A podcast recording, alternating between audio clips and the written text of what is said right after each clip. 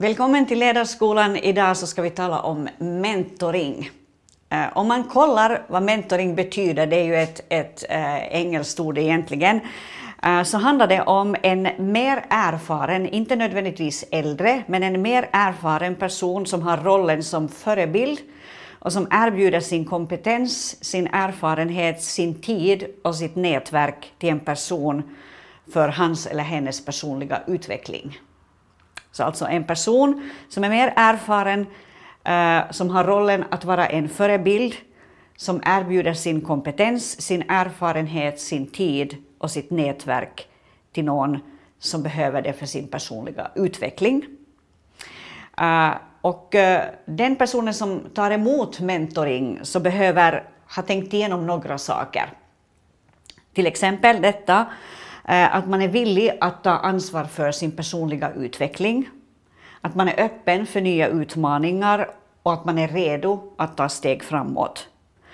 Eh, att man är villig att ta ansvaret för utvecklandet av ens förmågor, kunskaper och färdigheter och att man är villig att reflektera över sig själv och sina målsättningar.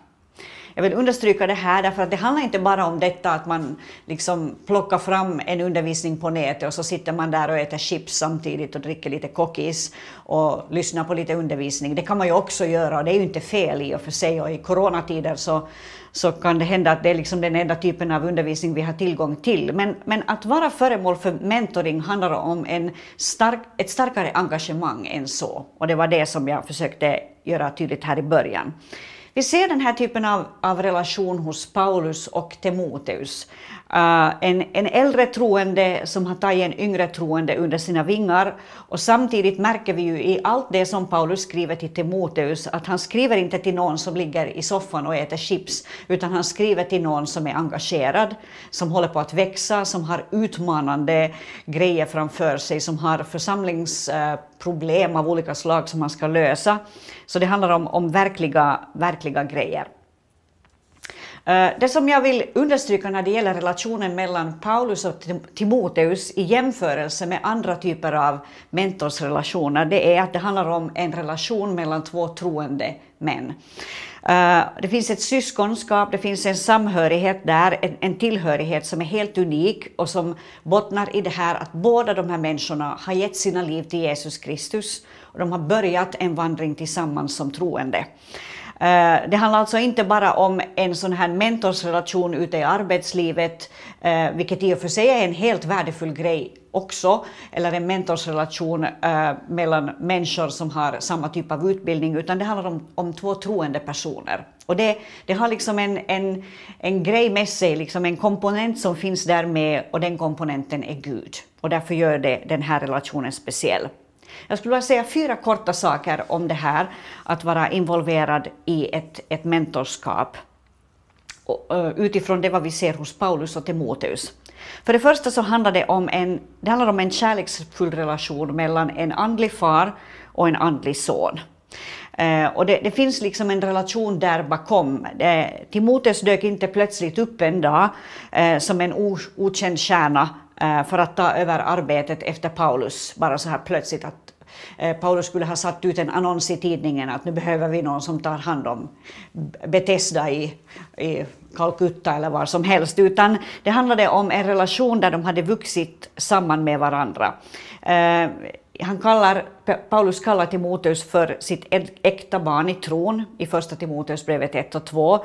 Han skriver till sin son käre Timoteus i första Timoteusbrevet 6 eh, och han kallar Timoteus för sitt älskade barn i andra Timoteusbrevet 1 och 2. Och han skriver att han tänker på sitt älskade barn ständigt, natt och dag i, i sina böner. Så det finns en nära koppling där i den där mentorsrelationen. För det andra så handlar det om ett arbete sida vid sida, precis som när en löpare ska ge stafettpinnen över till nästa löpare. Eh, I Andra Timoteus 4.9 så säger Paulus så här till Timoteus att gör allt du kan för att snart komma till mig.